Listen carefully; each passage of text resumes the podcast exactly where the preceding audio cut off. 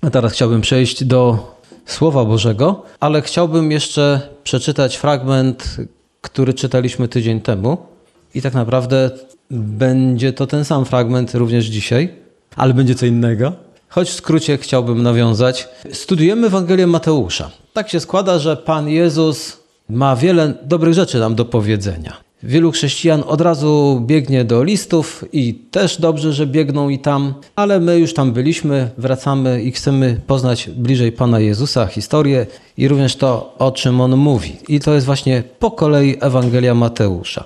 Ewangelia Mateusza, 5 rozdział, od 38 do 42 wersetu będę czytał. Słyszeliście, że powiedziano oko za oko, ząb za ząb. Ja wam powiadam, nie sprzeciwiajcie się złemu, a jeśli kto cię uderzy w prawy policzek, nadstaw mu i drugi. Temu, kto chce się z tobą procesować i zabrać ci szatę, zostaw i płaszcz. A kto by cię przymuszał, żebyś szedł z nim jedną milę, idź z nim i dwie. Temu, kto cię prosi, daj, a od tego, który chce od ciebie coś pożyczyć, nie odwracaj się. Na temat drugiego policzka i miłowania bliźniego i wrogów nauczałem już tydzień temu trochę, a tak naprawdę znacznie więcej było to w 2021 roku. Dzisiaj wspomnę jeszcze o tym bardzo krótko tytułem wstępu do kolejnego fragmentu. Czasami dobrze jest mieć jakiś kontekst, kiedy się mówi o różnych rzeczach, dlatego że czasami fragment poprzedni wyjaśnia ten kolejny i odwrotnie. I dzisiaj wspomnę o nastawieniu policzka, oddaniu szaty i pójściu drugą milę jednocześnie, bo powiem, ten fragment wskazuje na relacje. I to są ilustracje do przesłania Pana Jezusa, konkretnego przesłania. W nauczaniu Jezusa chodzi o nasze ja, chodzi o naszą postawę wobec innych. Jest to przesłanie, w którym on mówi do nas, że musimy umrzeć dla siebie samych. Czy ktoś słyszał taki zwrot kiedyś w kościele? Musimy umrzeć dla siebie samych. Co to oznacza? No to właśnie troszeczkę jest i tutaj, bo chodzi o to, żebyśmy mieli właściwe podejście do siebie samych. I na podstawie tych trzech historii do odruchu samoobrony. No bo jeżeli ktoś daje ci w twarz, to ty oczywiście mówisz mu, w czym mogę ci jeszcze pomóc. Nie, naturalny odruch jest taki, że ty też mu chcesz dać w twarz. Albo ewentualnie nawet nie tylko w twarz, ale jeszcze poprawić w brzuch. Chodzi o to, że ludzie mają pewne odruchy i one się natychmiast pojawiają, gdy coś złego doświadczamy. I widzimy w tych słowach Pana Jezusa nauczanie również o naszej postawie wobec dóbr materialnych. I cały czas mamy nauczanie: musisz umrzeć dla siebie samego. Bo znamy te słowa, które cytowałem poprzednio. Jeśli kto chce pójść za mną, niech się zaprze siebie samego i weźmie krzyż swój i niech mnie naśladuje. A więc oznacza to, że odruchy, te takie typowo oświatowe, niekoniecznie będą właściwe dla chrześcijan. Bo jeżeli ktoś na ciebie plunie, to co ty robisz? Plujesz odruchowo na niego. Nie wiem, czy pamiętacie, ale kiedy było się dzieckiem, ja przynajmniej historię znam, to dzieci potrafiły się opluwać. Więc jak jeden na jednego napluł, to potem ten drugi na niego. Takie to były dziwne odruchy. A teraz jak się zaprzeć w praktyce? No w praktyce tak, że jeżeli ktoś cię opluł, to ty na niego nie plujesz. A możesz zapytać, co cię trapi, co cię gryzie. Pan Jezus nie daje nam gotowej listy, co mamy robić w każdej sytuacji, bo może jak ktoś na ciebie pluje, to wcale nie trzeba akurat się go pytać, co ci się stało, tylko może po prostu brać nogi za pas, bo to kwestia ilustracji plucia, bo za pluciem może pójść coś innego. Ale każda sytuacja w naszym życiu chrześcijańskim to jest sytuacja, kiedy dobrze, żebyśmy my nie kierowali się prywatnymi i egoistycznymi interesami, ale aby nasze motywacje były Boże. Co to oznacza? Żeby jednak Pan Bóg miał coś nam do powiedzenia. I teraz jeszcze kilka słów na temat, kto cię prosi, daj, a od tego, który chce od ciebie pożyczyć, nie odwracaj się. Bardzo praktyczne dzisiaj. Najgorzej, jak ktoś pracuje w banku i jest chrześcijaninem i chciałby wcielać w życie słowa Pana Jezusa, które mówią: Kto cię prosi, daj, a od tego, który chce od ciebie pożyczyć, nie odwracaj się. I on w banku teraz nie wie, co zrobić. Przyszedł klient, chce pożyczkę. No, w żaden sposób nie można mu jej dać, bo jest niewypłacalny. Ale Biblia mówi: nie odwracaj się od niego. Czyli daj mu. Więc znowu chcę pokazać na tej ilustracji to, co też tydzień temu mówiłem, że nie należy wszystkiego brać dosłownie w Biblii, bo można wpakować się w nieszczęście. Oprócz litery, Biblia również zachęca nas, według ducha postępujcie. Pan Jezus nie oczekuje, że będziemy pomagać oszustom czy zawodowym żebrakom lub pijakom. A takie doświadczenia zapewne każdy z nas już ma za sobą. To, o czym Jezus mówi, znowu jest związane z naszym ja. I nie możemy lekceważyć innych, którzy mają prawdziwe potrzeby. Ale też nie możemy czynić tego bezmyślnie. I mamy tutaj do tego komentarz z pierwszego listu Jana, trzeci rozdział. Jeśli zaś ktoś posiada dobra tego świata, a widzi brata w potrzebie i zamyka przed nim serce swoje, jakże w nim może mieszkać miłość Boża?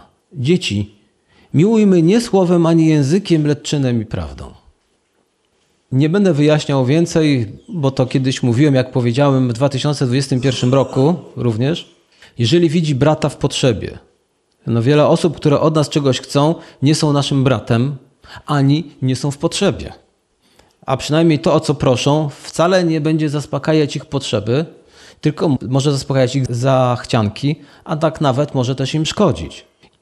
No, chociażby zawodowy żebrak czegoś od ciebie chce, ale tak naprawdę to on powinien pójść do pracy, a nie jeszcze go umacniać w tym, żeby zawodowo zajmował się tym całe życie. Są tacy, wy dobrze o tym wiecie. Kiedyś na ulicach funkcjonowały całe grupy zorganizowane, które zajmowały się żebraniem. Człowiek, który prosi ciebie o pieniądze na alkohol, czy on potrzebuje tego alkoholu? Jemu się tak wydaje. Jeśli chodzi o kazanie na górze, to żaden człowiek nie może praktykować tego, co mówi Pan Jezus, jeśli chce, aby jego życie było skoncentrowane na nim, czyli na jego ja. Nikt nie będzie w stanie tego przestrzegać, dlatego że ja będzie mu przeszkadzało. Bo to jest dla tych, o których już tutaj mówiłem, ktoś, kto się zaparł samego siebie i naśladuje Jezusa. I problemem chrześcijan bardzo często jest to, że koncentrujemy się na sobie, a przecież Pan Jezus naucza, że musimy zaprzeć się siebie samych. I teraz cytat Martin Lloyd Jones. Polecam jego książki, to dla tych, którzy lubią coś ambitnego chrześcijańskiego, ambitnego, niepopulistycznego, coś, co zmusi do zastanowienia się naprawdę nad Słowem Bożym. I on w pewnej swojej książce napisał: Musimy pozbyć się ciągłej tendencji do zabiegania o swoje interesy, nie być podatnym na obelgi, ataki i zranienia. Powinniśmy unikać postawy obronnej. Wszystko to musi zniknąć i oczywiście oznacza to, że musimy przestać być tak bardzo wrażliwi na swoim punkcie. Musimy pozbyć się tej chorobliwej wrażliwości, całego tego stanu, w którym nasze ja jest na ostrzu noża i jest tak wyważone, że najmniejsze zakłócenie może naruszyć jego równowagę. I potem on też dodaje, co określa pewne zjawisko, nowy stan ducha, czyli chrześcijan, którzy są nawróceni, którzy są dojrzali i mówi, że ich nie można zranić. Trudne słowa, można zastanawiać się nad nimi, ale ja uważam, że większość z nas można zranić, ale jest ważne, co my z tym zrobimy. Czyli wracam do tego ja w tym poselstwie. Bo tak jak powiedziałem, kazanie na górze nie będzie dla nas praktyczne, jeśli będziemy chcieli zawsze mieć z tego jakieś korzyści dla siebie. Jeżeli będziemy zawsze dbali o swoje ja, o swoje samopoczucie i o swoje zdanie. Bo większość z nas można zranić, ale ważne jest to, co my z tym zrobimy. Bo jeżeli pozwolimy na pielęgnowanie sobie tej goryczy, nienawiści, no to zaprowadzi nas to w złą stronę. Ale może jednak przebaczymy i przyjmiemy Boże uzdrowienie. A mógłbym tu powiedzieć więcej, ale że chciałbym dotrzeć do tego kolejnego fragmentu, to mogę tylko dodać, że życie chrześcijan może być piękne i mogą być niepodatni tak na zranienia, jeżeli dostrzegą taki fragment w Biblii, że musimy umrzeć dla siebie. A Biblia mówi, żeście umarli dla grzechu, tak? Umarliście dla tego świata, umarliście dla tego grzechu. Więc jeżeli ktoś traktuje was grzechem, no bo przecież to jest grzech, ubliżanie komuś i traktowanie go w taki zły sposób, to umarły nie będzie odwzajemniał tego samego. Tu jeszcze chcę dodać, co George Muller, taki mąż Boży żyjący w Wielkiej Brytanii, powiedział o sobie. On powiedział to o sobie, nie każdy będzie w stanie rzeczywiście powiedzieć to o samym sobie, ale odważny człowiek. Był dzień, kiedy umarłem zupełnie. Umarłem dla George'a Millera i jego poglądów, wyborów, upodobań i woli. Umarłem dla świata, jego aprobaty i cenzury. Umarłem dla pochwał i nagan, nawet braci przyjaciół. I od tego czasu starałem się tylko o to, aby pokazać, że jestem godny aprobaty ze strony Boga. Życie pokazuje, że bardzo trudno jest nam żyć bez pochwał i nagan. Oczekujemy tego, a szczególnie od osób nam bliskich. Ktoś ale ja nie oczekuję nagan od osób bliskich. Ja myślę, że każdy z nas podświadomie wie, że to może się zdarzyć i się spodziewamy, ale oczekujemy też pochwał.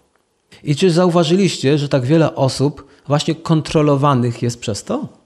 Pan Bóg chce, abyśmy mogli prowadzić chrześcijańskie życie i nie być uzależnionym od pochwał, ale również nagany innych.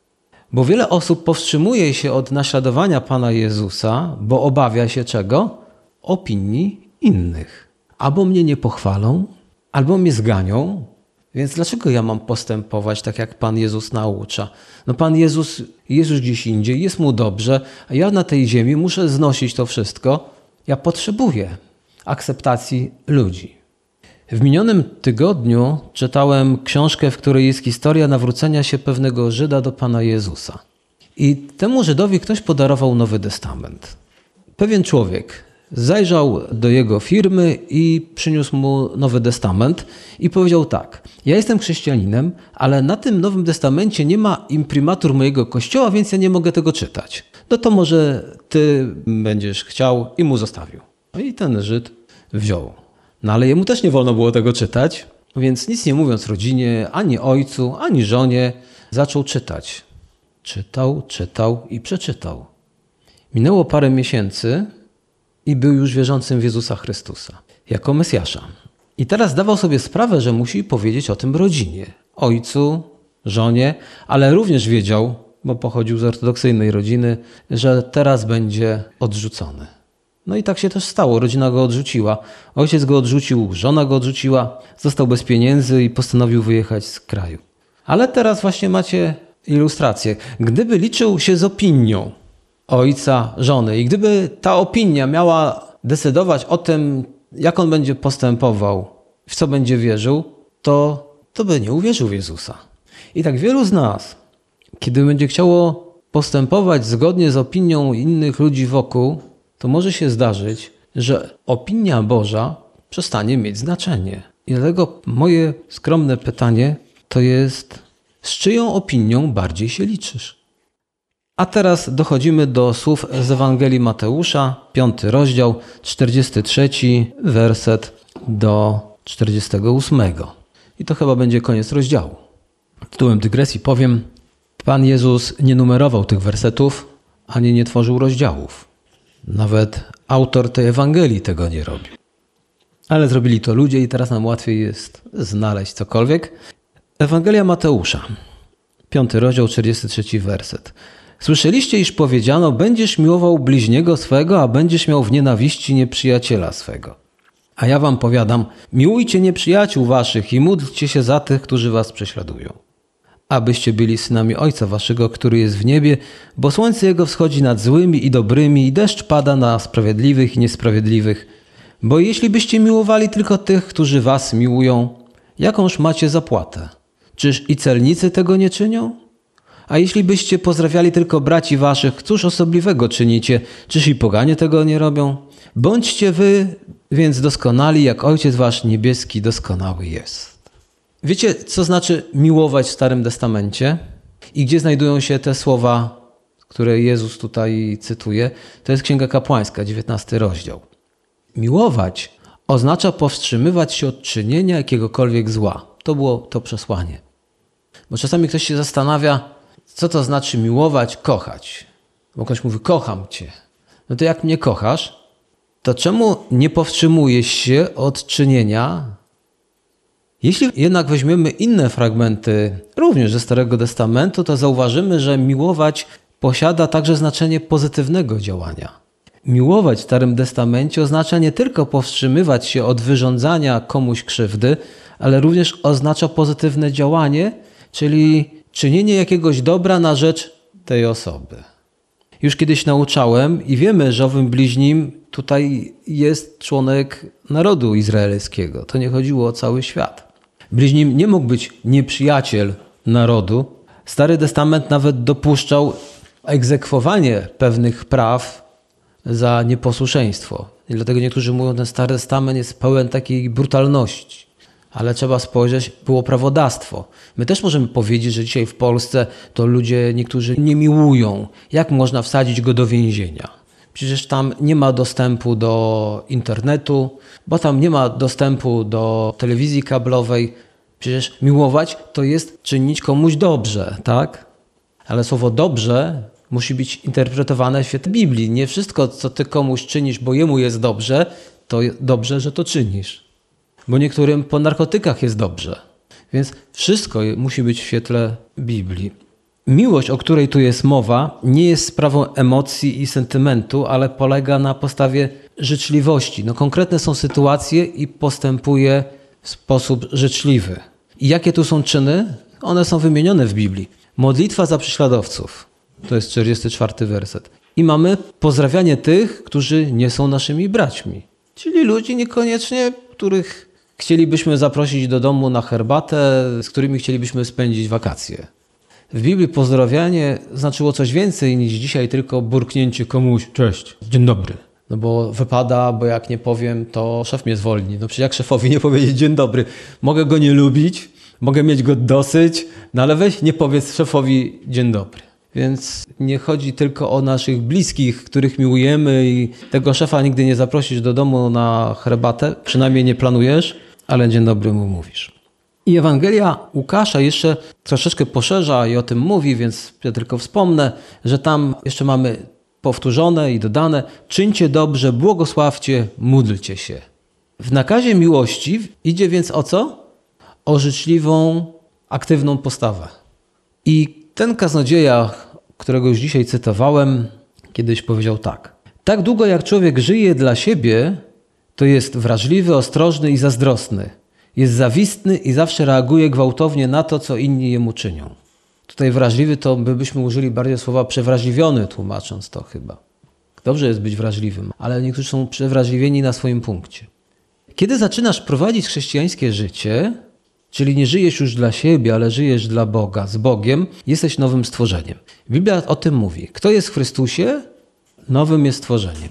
Nowe życie się zaczęło. I też dobrze, żeby się pojawiło nowe myślenie. Nowe życie to jest również nowy sposób postępowania, nowy sposób postrzegania, nowy sposób patrzenia na tą rzeczywistość. I świat wokół nas wtedy nam się trochę wydaje obcy. Jest nawet taka piękna pieśń, gdzie padają słowa obcym tu czuję się.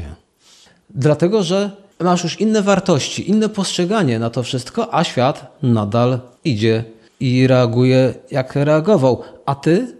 A ty teraz chcesz reagować w odmienny sposób. I powinieneś. Bo można reagować na to, co się wokół dzieje, na sposób tego świata. Czyli, jak o tym mówiłem, na przykład oko za oko, ząb za ząb. Jak ci ktoś w prawy policzek, to ty mu od razu najlepiej w oba, no bo przecież trzeba z nawiązką. Takie są odruchy, a teraz zaczyna się coś nowego. Więc zaczynasz postępować w Boży sposób. I teraz, co jest bardzo ciekawe, że kiedy zaczniesz postępować w odmienny sposób, naśladując Jezusa, możesz być, i to jest naprawdę dobra wiadomość, możesz być już niemanipulowany przez opinie innych ludzi.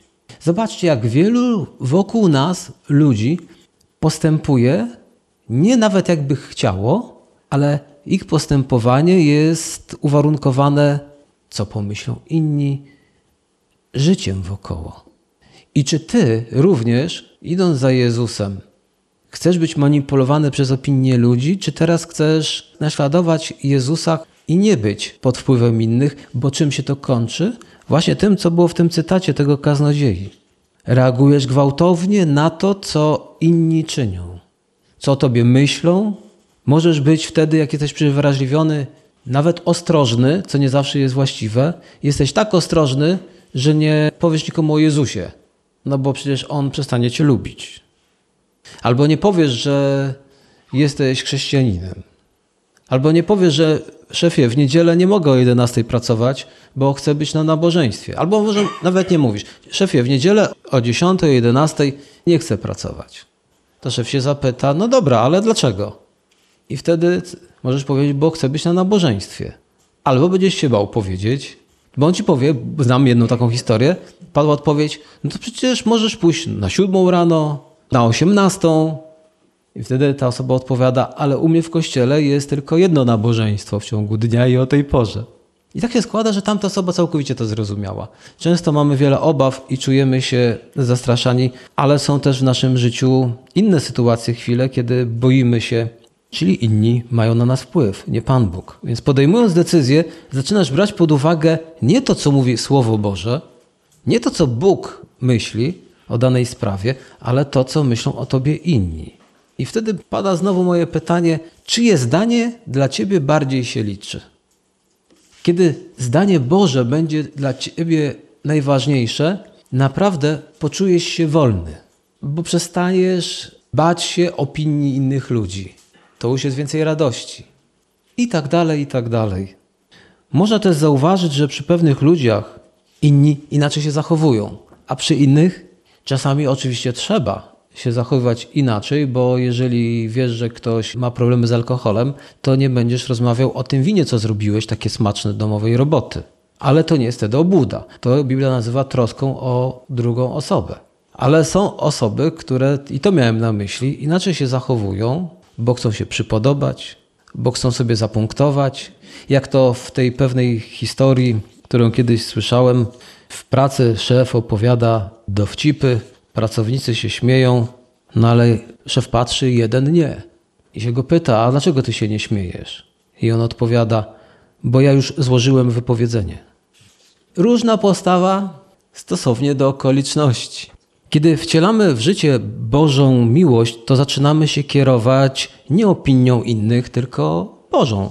Kiedy kierujemy się Bożą miłością, jesteśmy w stanie widzieć ludzi w inny sposób. Zmienia nam się perspektywa. I o tym właśnie teraz na koniec. 45 werset. Abyście byli synami Ojca Waszego, który jest w niebie, bo słońce Jego wschodzi nad złymi i dobrymi, i deszcz pada na sprawiedliwych i niesprawiedliwych.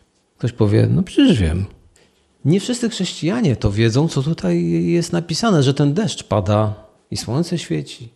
Jak widzimy, Pan Bóg kocha innych ludzi, nie tylko nawróconych. Pan Bóg nie żałuje słońca, deszczu komuś, kto jest nienawrócony. Rolnik nawrócony, który korzysta z błogosławieństwa słońca i deszczu, a potem dzięki temu, że udało mu się właśnie zebrać plon, może być wdzięczny Bogu, może nawet wziąć udział w nabożeństwie, które jeszcze takowe istnieją, gdzie się dziękuję za plony, tak? Mamy takie święto. Jak to się nazywa? A człowiek niewierzący, który miał pole obok, tak samo słońce świeciło, tak samo deszcz padał i też zebrał plony i może jeszcze zebrał lepsze plony, bo tak się złożyło, że po prostu może miał bardziej żyźną glebę. I on nie będzie okazywał wdzięczności Bogu. Ale Pan Bóg jednego i drugiego pobłogosławił. Więc mimo to Pan Bóg daje i słońce, i deszcz, i wiatr jednemu i drugiemu. I dobrze, żebyśmy spojrzeli na ludzi wokół nas ze zrozumieniem. Bo jeśli oszukują i czynią cokolwiek złego, to dlatego, że powiem wprost, jakieś rozporządzenia bogatego świata.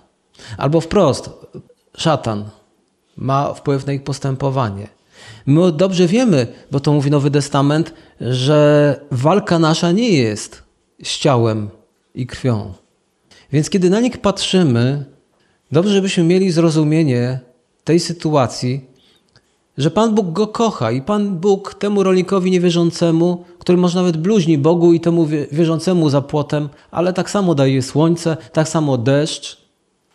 Jeśli wiemy, kto jest prawdziwym wrogiem, to nie musimy być rządni nawet zemsty, ani się denerwować na tych, którzy nas krzywdzą. Bo jeżeli tamten nawet będzie nam ubliżał za płotu, a ty wiesz, o co tutaj chodzi, to nie będziesz odpowiadać mu tym samym. Kiedy patrzysz na innych ludzi, widzisz ich tak, jak widzi ich Pan Bóg. Czy dostrzegasz, że oni są ofiarami diabła i idą do piekła? Że ludzie, którzy czynią wokół nas zło, czynią bardzo często dlatego, że nie wiedzą, co czynią. To już Pan Jezus na krzyżu, kiedy umierał, powiedział: Ojcze, wybacz im, bo nie wiedzą, co czynią. Czy zdajesz sobie pytanie, co mogę zrobić, aby więcej ludzi poznało Boga i zbawienie, jakie ofiarował On ludziom? To jest Boży sposób postępowania. Był moment, kiedy Bóg spojrzał na ten grzeszny świat, arogancki świat, ale ponieważ wiedział, w jakim on jest stanie, to co zrobił? Wysłał swojego jednorodzonego syna, aby umarł na krzyżu, ratując nas. Bóg uczynił to dla dobra człowieka. I kiedy zaczynamy postrzegać w ten oto sposób ludzi wokół nas, to znaczy, że widzimy ich w Boży sposób, to będzie w naszym sercu więcej litości dla zgubionych, dla grzesznych, niż to miało dotychczas miejsce. Problem polega na tym, patrząc na sam początek tego, co mówiłem, że kiedy ktoś ci uderzy w lewy policzek, a ty chcesz mu oddać w prawy, to ty nie widzisz tego człowieka tak, jak widzi go Bóg i tak, jak Bóg chce, żebyś go widział, widziała. Reagujesz tak, jakby chciał diabeł, jeżeli masz chęć zemsty i tak dalej. Więc mogę powiedzieć też, że nasza praktyka jest ukryta też w słowach błogosławcie tym, którzy was przeklinają.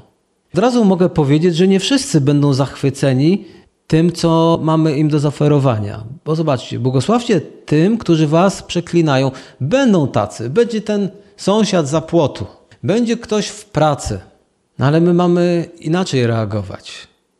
I ja nie mówię tutaj o jakichś sentymentalnych uczuciach. Ja chcę, żebyśmy byli realistami. Nie będzie często tak cudownie. Będą ludzie, którzy będą nam szkodzić. I wcale też nie mówię, że musimy się z nimi zaprzyjaźnić. Bo głoszenie Ewangelii nie ma na celu sprawić, że wszyscy staniemy się przyjaciółmi. Ale to my jesteśmy dla wielu ludzi wokół nas jedyną szansą, aby wskazać im na Boga, który pragnie uratować każdego. I to nasze reakcje i nasza postawa będzie najlepiej widziana, bo ci ludzie wtedy dostrzegą Boga w Twoim postępowaniu. Bo powiedzą: Ojejku, ja mu nawrzucałem, a on jeszcze głupi zapytał się mnie, w czym mi pomóc. Albo w ogóle nie zrobił mi tego samego. Jakiś nienormalny. Niektórzy będą chcieli to wykorzystać. Nie dajmy się wykorzystywać.